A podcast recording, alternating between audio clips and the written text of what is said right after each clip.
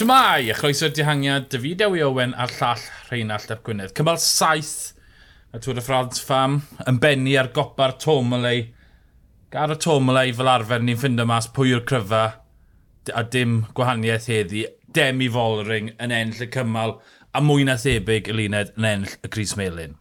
Ie, yeah, yn union nathon ni weld hi'n ymosod gyda ti a 5 km i fynd a ie, yeah, drwy'r dydd oedd hi'n edrych fel oedd hi'n just yn mynd am joli nes i hi ymosod a wedyn ie, gwahaniaeth yn cael ei wneud yn, yn syth o fi ar lefel wahanol i gymharu dy phawb arall i fi. Ie. Yeah.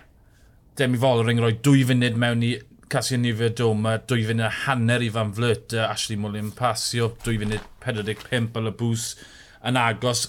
Lot cpegin cwpla tair munud a hanner nôl. Rheinald, mae'r un am fylchau anferthol. O, oh, ie. Yeah. Mae'r ma, ma coesau'n siarad pan mae'r hewl yn mynd i, i fyny. Nes i fwynhau y cymal yna gymaint. Mae rhaid i fi weid, oedd na stori gath i weid mor berffaith, ti'n mo, ie, yeah, Follering oedd yn benna ar bawb, a allu chi gweld e yn eitha cynnar ar y tŵr ma le. Hi a Van Vleuter, oedd Follering, oedd hi, hi just mor solet ar y beic, a ti'n chi gweld, o, oh, mae hon ar ddwrnod da, a oedd oedd o'n flyta fel tas iddi'n gwthio, fi'n gwybod bod styles nhw wahanol, ond o ti'n chi gweld bod fan flyta mewn, mewn trwbl, ond fel fi'n gweud, y stori, y ffaith bod Movistar wedi gosod i pac ar yr asban, ti'n bod, rili really gwthio, Liana Lippet, blinkin ec, oedd hwnna yn dro a hanner, ti'n bod, so ti'n meddwl, reit, mae Movistar yn mynd am hwn gant y cant, ond wedyn ni, nath gymaint o droion, ti'n modd, y ddwy nhw'n stopo gweithio ar y gilydd, casio lan yr hewl. Popeth i ti moyn o gymal pen mynydd, wnaethon ni weld hwnna i gyd prynhawn yma. Oedd e'n ffantastig. Ie, yeah, o fe jyst un i'r oeser, really, nathon ni weld fel fod... Dwi'n meddwl o fe'n dda i weld fan Flwton yn mynd ar y Cwld mm. Asban, nath i agor y ras lan yn dda a fel arfer ar ddiwrnod da bas y hynna di rwyg o ras i farna, ond o fe neis i weld gwendid o hi a wedyn fol, ie, fel o'ch chi wedi dweud, yn syth fel ar y asban, o'n i'n meddwl, o, mae'n fel ringar ffif da fan hyn, o fi ddim yn edrych yn y coch o gwbl. Ond na, neis i weld New Adoma yn ymosod, mae wastad yn un i ymosod, a mynd cant y cant i'r llun eich nath i fal off pawb tu ôl o fy gapiau tu ôl fel ring yn eitha cyson y holl fod flan y tomole, felly ie, uh, yeah, o fe, ne o fe neis i weld llawer o uh, action. Ie, yeah, um, Faflyd yn gweud yn eich efweliad i, tyd, oedd hi ymosod yr asban yn gweithio neud yn galed a gobeithio oedd hi ar dwrnod da, ond doedd hi ddim adfolring ar dwrnod da. Tyd, oedd e mor syml na yn y, yn y diwedd, ond tyd, hun o'r asban, fel chi wedi crybwyll, oedd folring edrych yn cyfforddus, ond o'n nifio doma na, felly tyd, oedd y tair ar y blaen wedi ffurfio mewn grŵp fyna. Um, ar y ffordd lawr asban, Uh, ni fi Adoma, twyd, ni wedi gweld taw hi yw un o'r disgyn, disgyn, disgynyddion gorau yn y byd a twyd, gadael y dwy arall. A twyd, gathon ni sefyllfa na, Rheina, lle o'n nhw'n breco ar ddisgyniad, o'n hwnna'n ffantastig. Ie, yeah, ti, ti ddim yn gweld hwnna uh, yn aml iawn. Ti yn gweld sefyllfa lle mae unigolyn yn manteisio ar frwydr rhwng dau berson arall, ond i weld e mor glir a hynny, a fel ti'n gweud, sain, ti'n clywed y breaks, ti'n gwybod yn union beth oedd yn digwydd. Uh, y grŵp oedd yna rhyw funed rhwng nhw a, a, a gweddill y, y pac ar y pryd. Follering o ddim eisiau cydweithio yn gwybod bod um, Ryser a Copecki tu ôl. A wedyn ni, tywa, dyna ni, a, a, a, y bwlch lan i Capecchi a lawr, lawr, lawr, tan bod nhw'n cael eu llyncu gan y grŵp na. Falle oedd hwnna'n yn, yn syniad da i'r ddwy ohonyn nhw gyda Casia ar ei ffenni hun lawr yr hewl, oedd hwn yn rhoi ychydig o saib a hoi i'r ddwy yna, bod Rysa yn, yn tynnu a bod nhw'n gallu bod yn, yn yr olwynion tan bod nhw'n dechrau brwydro eto. Uh, ond mae hwnna jyst yn dangos pwy mor gret oedd Cassian Iwmyd o yma heddi, bod hi'n gwneud gymaint o waith a bod hi dal yn gallu gorffen yn ail ar y cymal yna ar, ar frig y to yma le. Perfformiad gwych gan Casia. Fi'n mynd i ofyn petasau fan hyn, petasau bethau di bod yn wahanol. Petasau! Ie. Yeah. Tyd, petasen ni fi doma heb wneud y gwaith na, twyd, ar, y, ar y llethrau cychwynnol sy'n 3-4% ar y tom y lei, sy'n siwtio arbenigydd yn emyn cloc yn berffaith. Bydde fe wedi bod yn wahanol, bydde wedi aros yn y gostach wneud twyd. Oedd e just rasio i'r top cyn gyntaf yn ti'n gallu, a ni fe doma heb dynyddio gymaint yna egni yn fwy?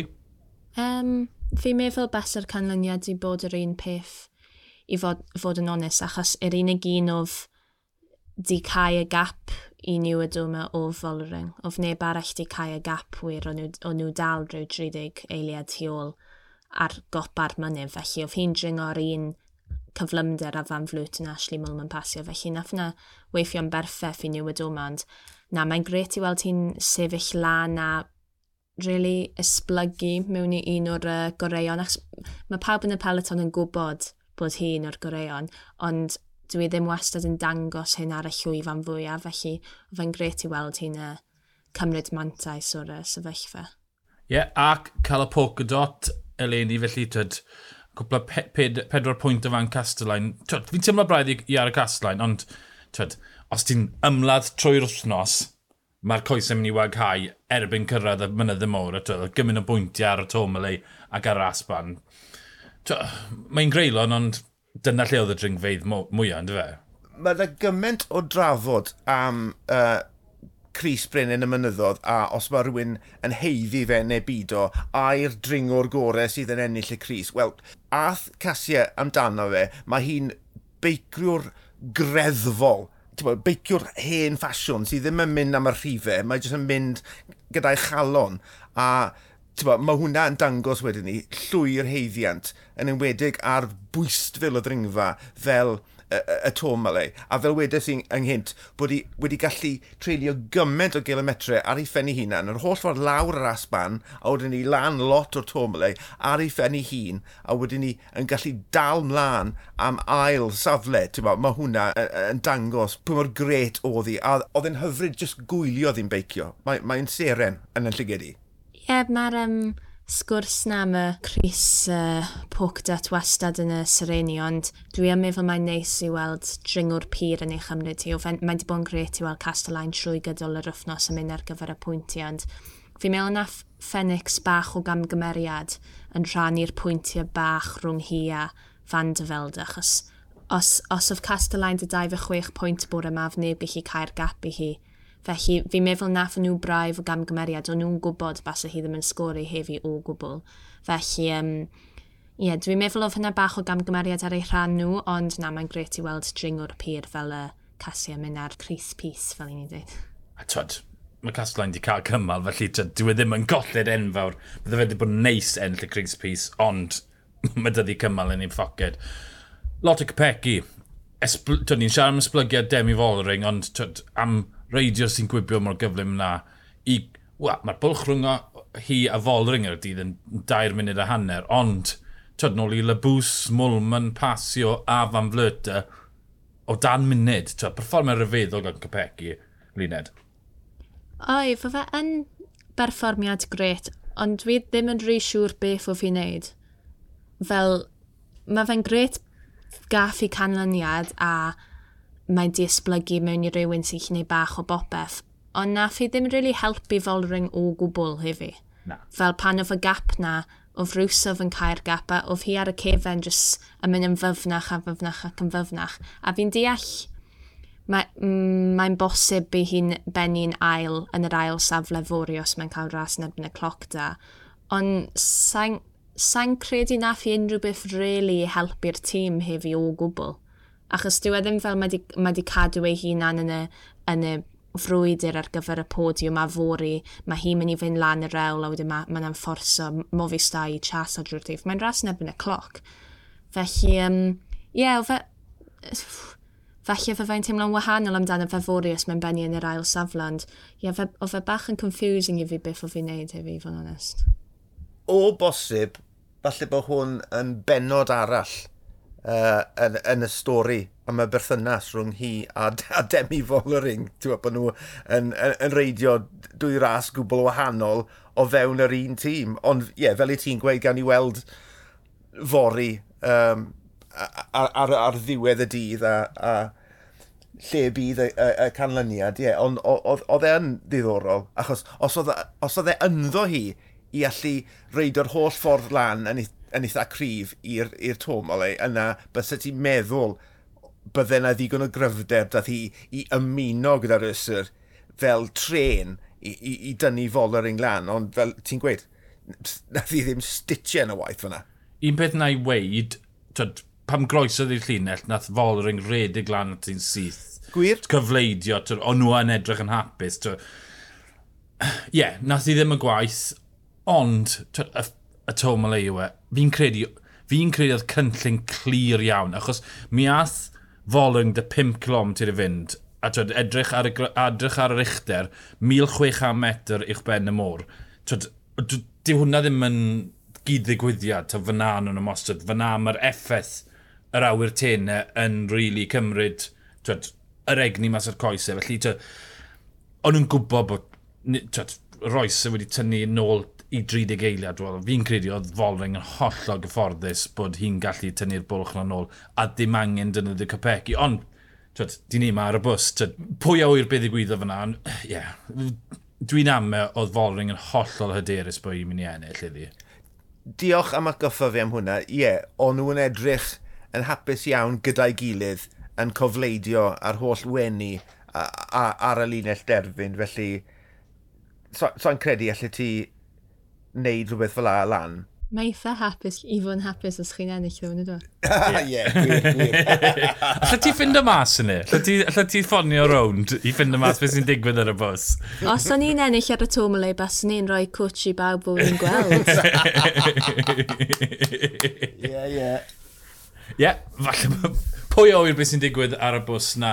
Um, mi oedd na un frwyder arall, uh, Luned, fi moyn clywed dy farn di hwn, uh, am y Cris Gwyn, Cedrin Cebal, yn dechreuodd i'r dydd gyda bwlch mawr dros Ela Wiley o tîm ti. Ela Wiley'n cwpla munud o flanio, mae'n awr mae'r bwlch dwy funud rhwng y ddwy, twyd Ela Wiley yn ail, Cedrin Cebal, yn disgwyl gyfforddus yn y Cris, ond twyd, tîm, i tîm o'r Maint Life Plus yw hw, mae cwpl yn ail yn, yn y gwyn, wel, dim gorff yna, mae ras yn emryd cloc, oedd i'r bwlch na'n ddigon, ond mae, e, oedd e'n ras dda, war y teg. Ie, yeah, mae'n gret i weld a dwi'n gwybod faint o fy Elan edrych mlaen i hefi. Mae wedi gwneud lot a lot a lot o waith ar gyfer y, y Tôd y Ffrans. Felly, ie, yeah, fi'n meddwl bydd hi braidd yn siomedig gyda achos mae'n fringwr hynod pyr, ond nath i fenni un arfegfed hefi ar y cymal, mae'n enfawr ar gyfer y tîm, yn wedi ar rhywbeth fel y Tomale. A ie, yeah, mae'n siapo i uh, Sidrin mae wedi bod yn raso cant y cant drwy'r wythnos wedi bod ar ochr cywir y split bob dydd, felly ie, yeah, mae'n gret yn erbyn y cloc hefyd, ond i Ella, mae'n mae mae berfformiad gret i hi yn wedi cefi. dwi'n meddwl bydd hi'n hapus iawn yn edrych nôl ar ddiwedd y tymor. So mewn lan i fori, na fi'n credu bod e'n i ddamlwg bydd e'n cymryd anffawd i Folring golli'r Chris Melin o styried bod munud 50 nôl i Newfidoma, 2 funud a 28 fan flyta, 2 funud 35 Capecchi, 2 funud 39 Ashley Mollum yn pasio. Rhyf un, ydy'r bwlch na i ni Newfidoma dros fan flyta Capecchi yn ddigon? Fi ddim yn siŵr, achos oedd hi'n y deg uchaf yn tod y Swiss, a nath o, mae ar lefel tebyg i'r gweddill o'r dosbarthiad cyffredinol os ych chi'n cymryd Foldering a Van Vluten allan o'r, or mix. Ond mae ar ôl saith dif hynod galed o ras, sa'n gwybod beth sy'n mynd i ddigwydd fori. Sa'n meddwl fod unrhyw un yn gwybod beth sy'n mynd i ddigwydd fori. Maen nhw'n mynd i feffro, maen nhw'n mynd i fod ar ffif arferchog, neu maen nhw'n mynd i fod yn gwbl wag ar ôl hefyd, Felly, Fi'n meddwl bod hi'n dal ar ei, ei bodiwm, dwi'n credu, ond sa'n gwybod beth mae'r gapiau mynd i fod o gwbl. Ie, yeah, wel, dyna'r peth ond fe. Mae yna ras yn ebyn y cloc ar gychwyn ras, a ras yn ebyn y cloc reit ar ddiwedd y ras. Pwy sydd wedi cadw digon ar ôl yn atac. Mae ras gymal yn enwedig un mor anodd a heriol mae'r menywod un wedi wneud wythnos yma yn gallu cael effaith diddorol iawn a, ar yr injan, felly bydd e'n ddiddorol iawn gweld y uh, canlyniadau pan am fori. Ie, yeah, disgwyl twyd, ar record ni fyd yma yn erbyn y cloc. Twyd, munud, dwy funud mae'n colli'r enw mor felly ie, yeah, mae'n mynd i fod yn, yn her. Ras tipyn y gosach fi'n credu bydd rhwng Capecchi a Fan Flwyt, Flyta, saith eiliad, mae hwnna'n dim byd yn dweud. Mae'n mynd i fod i pwy sydd o'r coesau o'r dydd. Ie, yeah, dwi'n meddwl fod capegi... Wel, mae pawb di mynd yn ffwfwn hefyd, sa'i moyn dweud fod neb di mynd yn ffwfwn, ond dwi'n meddwl faint mor ffwfwn o'r capegi angen mynd i, i hun oedd aros gyda'r grŵp na. Bas fe ddim yn syndod i weld ti'n ffrwydro fori, ond wedyn na'r bod fi wedi dweud na fi'n siŵr bydd mhm. hynna'n eich cymal neu rhywbeth a cymryd munud ar bawb neu ond na dwi'n meddwl bydd fe'n agos rhwng nhw dwy dwi'n really gobeithio fod nhw wedi yma gadw ar i'r podiwm achos mae hi wedi bod yn ras o môr ffyrnig drwy'r wythnos a ie, yeah, hi o fi'n o'r unig rai oedd moyn cael gapu cypeci ar y fydd cynta. So os maen nhw canion siram yn cael ei gwybrwyo gyda podiwm, dwi'n credu bydd hynna'n adferchog, ond ie, yeah, sa'n gwybod beth sy'n mynd i ddigwydd. Wel, o edrych nôl ar heddi, wrth gwrs ath New Iadoma uh, uh, yn ddwfon a cypeci i ddawn lan, ond ath fan flyta yn ddwfon iawn fyd, oedd hi'n edrych mas o siap uh, yn y diweddglo yna, felly gawn i weld, achos, ti'n bo, bydd na tair menyw blinedig iawn yn mynd i swper hyn o. Yr un beth sy'n amlwg yw bod Deb mi Follering yn llwy'r heiddi gwisgo Chris Melin wedi wythnos o gwmpa mas, wythnos o golli amser, dim ond gorffen ar y tomol ei munudau ar y blaen o pawb arall. Oedd eisiau a gwedi gwir ar Follering i dangos taw hi yw'r cryfa yn y byd a mae cam o ennill y Tôr y Ffrans Fam. Ymunwch dyn ni fori i weld beth yw'r trefn buddigol yn y dosbarthau cyffredin... Sorry. Ymunwch dyn ni fori i weld beth yw'r trefn gorffenedig yn y dosbarthu cyffredinol. Ond o fi, Dewi Owen, a llall Rheinald Llap Gwynedd, a'r llall Luned King, ni'r dihangiad, hwyl.